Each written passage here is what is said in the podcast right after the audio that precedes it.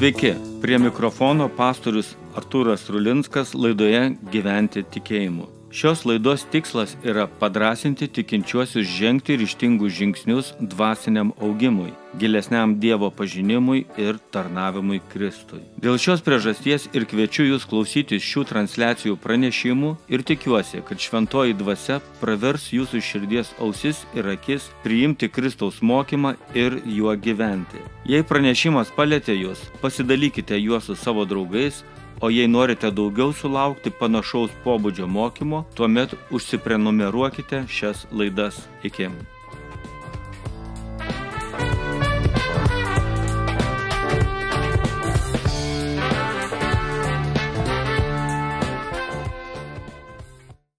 Žmogus pagal Dievo širdį vargo metai išgelbėti savo gyvastį. Pastarosiomis išvalgomis apie žmogų pagal Dievo širdį buvo daugiau apie žmogaus augimą, pranašišką patepimą, kovą, kurioje jis buvo pergalingas ir sėkmingą gyvenimą. Vis dėlto tai tik trumpas epizodas, gana greitai prasidėjo kitokia realybė, kurią pavadinau vargo metai. Mes taip pat turime nemažai tų vargo dienų, mėnesių, metų ir apie tai iš tiesų reikia kalbėti, o ne pakišti juos po kilimu. Kas galėtų pasakyti, kiek kainuoja žmogaus gyvybė? Tai yra tik retorinis klausimas, nes ne vienas nežinome atsakymų. Kiekvienas žmogus gyvybę vertina savo supratimu, tačiau tiesą sakant, ne vienas pasaulyje žmogus nežino gyvybės kainos. Kas yra gyvybė? Atsakymą galime rasti tik pas gyvybės kurėją visagali amžiną Dievą. Šis pasakojimas apie žmogų pagal Dievo širdį mus supažindina su ilgais Davido vargo metais. Išsirinkimas jam suteikė daug atsakomybių ir mažai džiaugsmų.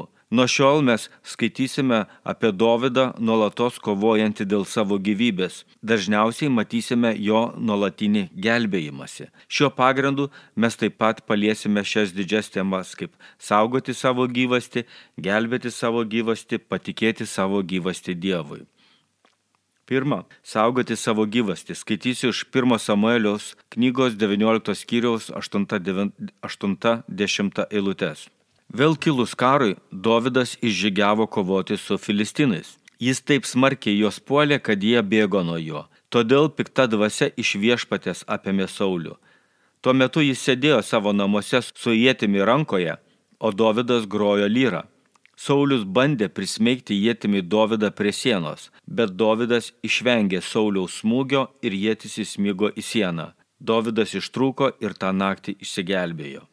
Žiūrėdami į Dovido gyvenimą galime matyti, kad Dovidas nuolatos gyveno ties gyvenimo ir mirties riba. Jis kariuomenėje tarnauja karininku ir jo darbas yra kovos laukas. Su filistinais jis kovojo dar paauglystėje, su filistinais jis kovojo norėdamas vesti karaliaus dukrą, su filistinais jis kovoja norėdamas pelnyti karaliaus palankumą, su filistinais jis kovoja vykdydamas Dievo valią.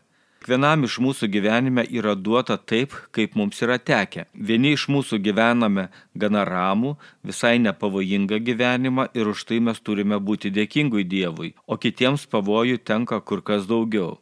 Tikrai retam žmogui gyvenančiam dabartinėje Lietuvoje tenka taip kovoti už savo gyvastį, dirbant savo darbą, bendraujant su kolegomis, ilsintis namuose kaip Dovydui. Žiūrėdami į šią Dovydo istoriją mes matome žmogų pagal Dievo širdį, kuris nuolatos gyveno saugodamas ir gelbėdamas savo gyvastį. Ir į jį žiūrėdami galime pamatyti daug gyvenimiškų tiesų, kurios gali būti geros pamokos mums patiems. Dovido gyvenimo pavyzdys yra tas, kad pavojų kupiname gyvenime jis išsaugojo savo gyvastį ir atliko jam paskirtą Dievo darbą. Kiekvieno žmogaus pareiga yra saugoti savo gyvybę ir naudoti ją Dievo tikslams.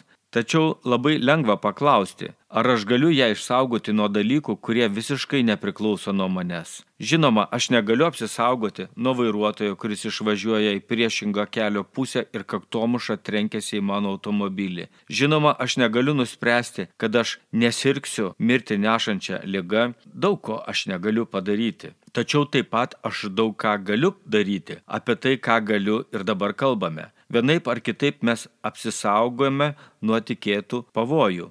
Kaip Dovydas kariaudamas žinojo, kad kare turi daug daugiau galimybių žūti, jis kovojo taip, kad priešai nepuldavo ant jo, o bėgdavo nuo jo. Kaip nekeista, tačiau patys didžiausio gyvenimo pavojai Dovydui kilo ne iš Filistinų, o iš savo tautos lyderio Uošvio karaliaus Sauliaus. O jeigu dar giliau pažiūrėjus į reikalo prasme, tai iš tiesų į žmogaus gyvybę kesinasi dažniausiai ne tiek žmonės, kiek šetonas, kuris įgyvendinti savo tikslus nusprendė per Saulių o Saulis tam ir nesipriešino. Kaip pirmą kartą Saulis buvo užmanęs nužudyti Dovydą, jo sūnus jį perkalbėjo ir Saulis savo sūnui Jehonatanui atsakė, kaip gyvas viešpats, jis nebus užmuštas. Saulis kaip žmogus nenori žudyti, nenori ant savo galvos užsitraukti kaltę pralėdamas nekalto žmogaus kraują, nežiūrint to, kad Dovydas jam ir nepatinka. Saulis pavojingas Dovydui yra tik dėl to, kad jo mintis ir mąstymą veikia kažkokia tai pikta dvasia. Tos piktos dvasios paveiktas žmogus nesidrovi į kitą, jam patarnaujantį, mėtyti ietis, nesidrovi savo pavaldinių, nesidrovi netgi savo šeimos narių. Iš tiesų gyvenimą kiekvienam žmogui yra suteikęs Dievas ir jis nori, kad mes šiame gyvenime pamatytume tai, kas deram matyti - viešpati ir jam tarnautume. Gyvybę atimti ir negyventi gyvenimo tikslui yra šetono veikla. Kiekvienas žmogus yra dviejų gigantinių jėgų tarpe ir blaškosi norėdamas išsirinkti savo, kas geriausia.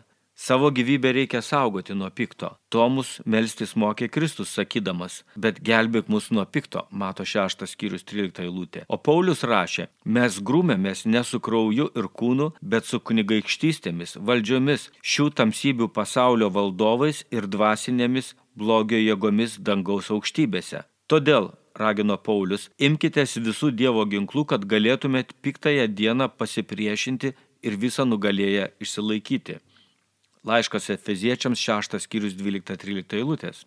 Sauliaus noras prismeigti Dovydą yra dvasinės prigimties. Nors iš istorijos gali atrodyti, kad tai yra tik asmeniniai interesai, pakrykę nervai. Tai kaip apsaugoti savo gyvybę nuo piktojo, kaip išvengti netikėtų smūgių. Atsakymas yra vienas, nes Dovydo stiprybė buvo ne jis pats, bet viešpats. Ir jis nekarta yra taip sakęs ir užrašė 28 psalmėje. Viešpats mano stiprybė ir mano skydas. Mano širdis jo pasitikė, jis man padėjo ir mano širdis džiugauja. Gesme aš jam dėkoju. Antra, gelbėti savo gyvasti. Saulis pasiuntė pasiuntinius prie Davido namų tikoti jo ir ryto metą užmušti. Tačiau Davido žmona Mikalė jam tarė, jei šią naktį savo gyvasties negelbėsi, rytoj būsiu užmuštas. Mikalė nuleido Dovydą žemyn pro langą, jis išsigelbėjo ir pabėgo. 1 Samuelio 19 skyriaus 11-12 eilutės.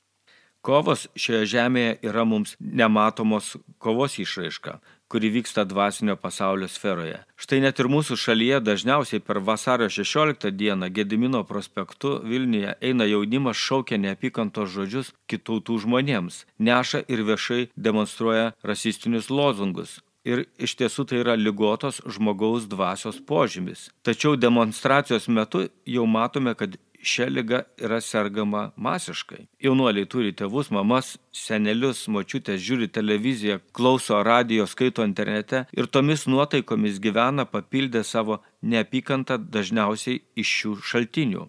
Neapykanta žmoguje iššaukia piktoji dvasia. Ir demonstracija yra tik lietkalnio viršūnė, kuri praneša apie rimtą sielos lygą visoje tautoje.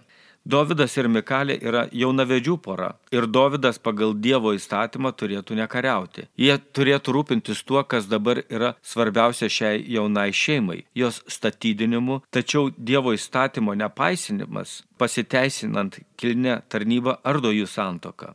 Pakartoto įstatymo 24 skyriuje rašoma, kol vyras neseniai vedęs, nei jis eis į kariuomenę, nei jam bus pavestos kokios pareigos. Atleistas vieneriems metams jis liks namie ir džiugins žmoną, kurią yra vedęs. Negana to, štai dar ir piktoji dvasia pasireiškia per tėvo ir uošvio asmenį. Kaip yra keista, atrodo šie žmonės, kurie turėtų naujai šeimai padėti džiaugtis vienu kitu, padėti santokinėse ryšiuose rasti ramybę, puoselėti meilę, paprasčiausiai žlugdo santoką. Piktoji dvasia šiame pasaulyje veikia, neatsižvelgdama į giminystę, neatsižvelgdama į darbus, ji veikia pražučiai. Žmogaus pagal Dievo širdį šeima yra pavojuje. Žmonės pagal Dievo širdį daugiau kenčia dėl to, kas jie tokie yra, jų šeimininis gyvenimas yra didesnėme pavojuje ir kaip matome, jiems visai šalia namų yra rengiamos pasalos, nes sužlugdžius vyrą yra sužlugdoma ir šeima. Ir ypač šiais laikais tai matome labai gerai, kada daugiau negu 50 procentų šeimų pražūsta, praranda artimus santykius. Dėl Dievo, rodosi, turėtų būti kitaip. Ramybė, meilė, šviesi ateitis, lengvai nugalimi priešai. Dovido žmona Mikalė Dovidui yra tarsi pranašė, kuris su susirūpinimu kalba apie Dovido ateitį. Jei šią naktį savo gyvasties negelbėsi, rytoj būsi užmuštas. Kas yra svarbiausia, kai grėsia pražutingas pavojus? Žinoma, gelbėtis. Nėra žmogaus galinčio kovoti su piktuoju, nes kaip Paulius rašė, kūnas ir kraujas negali kariauti su dvasiomis, o tuomet belieka tik gelbėtis. Dovidui nebebuvo kada galvoti, tiesiog reikėjo bėgti, kol dar buvo laisvė išsigelbėti. Galėjo Dovydas galvoti, rytas už vakarą protingesnis, tačiau ryte jau būtų buvę per vėlų. Pavojai į žmogaus gyvenimą dažniausiai ateina su ženklais ir kiekvienam yra verta paisyti jį perspėjančių ženklų. Nuo Dovido gyvenimo persikelkime į dabartį. Kas dabar yra svarbiausia mums? Turbūt mes atrastume daug kilnių dalykų, kuriuos įvardytume labai svarbiais. Darbas žinoma svarbu, santykis su vadovu žinoma svarbu. Tačiau mes matome, kad tai, kas atrodo yra svarbu, labai greitai tampa nieko vertu. Kas iš to, kad Davidas stengiasi tarnauti Sauliui, o jam Davido atsidavimas visiškai nebuvo svarbus? Nepervertinkime savo troškimų ir norų, padarydami juos svarbesniais, negu jų svarbą yra nustatęs Dievas. Kiekvienam dalykui yra savo laikas. Tačiau kada Dievas tampa antrailis, tuomet galime tikėtis, kad mūsų sureikšminti dalykai tikrai patirs nuvertinimą. Dar vienas dalykas, mes turime rūpinti savo gyvybę. Gerai pasakė Mikalė, gelbėk savo gyvybę dabar. Mes turime rūpintis gelbėti savo gyvybę, gelbėti savo vaikų gyvybę, savo artimųjų, kol dar tam dalykui turime laisvę, kol galime bėgti, kol galime pasirinkti, kokia, kuria kryptimi eiti. Piktasis tik ir laukia, kada galėtų įkalinti vargšę sielą ir pražudyti ją, nebesuteikdamas jai jokios laisvės išsivaduoti. Gelbėtis yra duotas tam tikras laikas. Todėl klausykime šių šventosios dvasios žodžių. Jei šiandien išgirsite jo balsą, neužkietinkite savo širdžių. Hebrajams 3 skyrius 7-8 eilutė. Arba kaip Petras sėkminių dieną žmonėms kalbėjo, gelbėkitės iš šitos iškrypusios padermės. Apaštalų darbai 2 skyrius 40 eilutė. Ir trečia, patikėkime savo gyvasti Dievui. Dovydas pabėgo ir išsigelbėjo. Atėjęs pas Samuelį ir Ramą, jis papasakojo viską, ką Saulis jam buvo padaręs. Kai Sauliui buvo apie tai pranešta, Saulis išsiuntė kitus pasiuntinius ir jie kalbėjo dvasios pagavoje. Jis ėjo ten, Najotų Ramoje link ir jį apėmė dvasia. Eidamas jis kalbėjo dvasios pagavoje, kol pasiekė Najotus Ramoje. Nusivilkęs drabužius jis kalbėjo dvasios pagavoje Samuelio akivaizdoje. Jis gulėjo nuogas visą tą dieną ir naktį. Dovydas nors ir ne pirmą kartą pas, patiria pasikesinimo į jį šoką, tačiau šį kartą jo ieško jau ne vienas piktosios dvasios apsėstas individas, o visos valstybinės karinės institucijos - kariuomenės saugumas, policija, slaptieji agentai. Raštas nepaaiškina, kaip buvo susekta, kur yra Dovydas, tačiau parodo, kad šiame pasaulyje tikrai nėra saugiausios pasaulio vietos. Žvelgiant į Dovydą, kad išsigelbėtų, jis nesaugios tvirtovės ieškojo, bet bėgo pas Samuelį. Kaip karo žmogus Dovydas žinojo, kad tvirtovės yra paimamos, o žmonės taip pat lengvai gali išduoti. Tačiau yra šiokių tokių galimybių išlikti pas Dievo pranašą Samuelį. Žiūrėdami į Dovydą mes turime dėkoti jam, kad tokios krizės metu jis parodo mums tokį principą. Žinoma, tikriausia apsauga yra ne iš Samuelio, bet iš Dievo, kuriam Samuelis tarnauja. Ir viešpats veikia per Samuelį, kaip ir piktoji dvasia veikia per Saulių.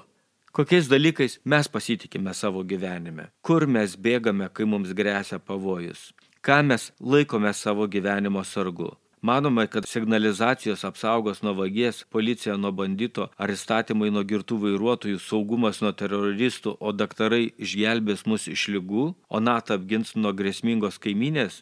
Kas ta policija, saugumas, NATO, kas tie įstatymai, kas yra medicina, vaistai ir daktarai, jei visas šis pasaulis yra tamsybių kunigaikščiaus pavojoje. Tam, kurio piktasis nepuola, šie dalykai suteikia laikiną paguodą ar saugumo jausmo. O ką daryti tam, prieš kurį piktasis yra nusistatęs?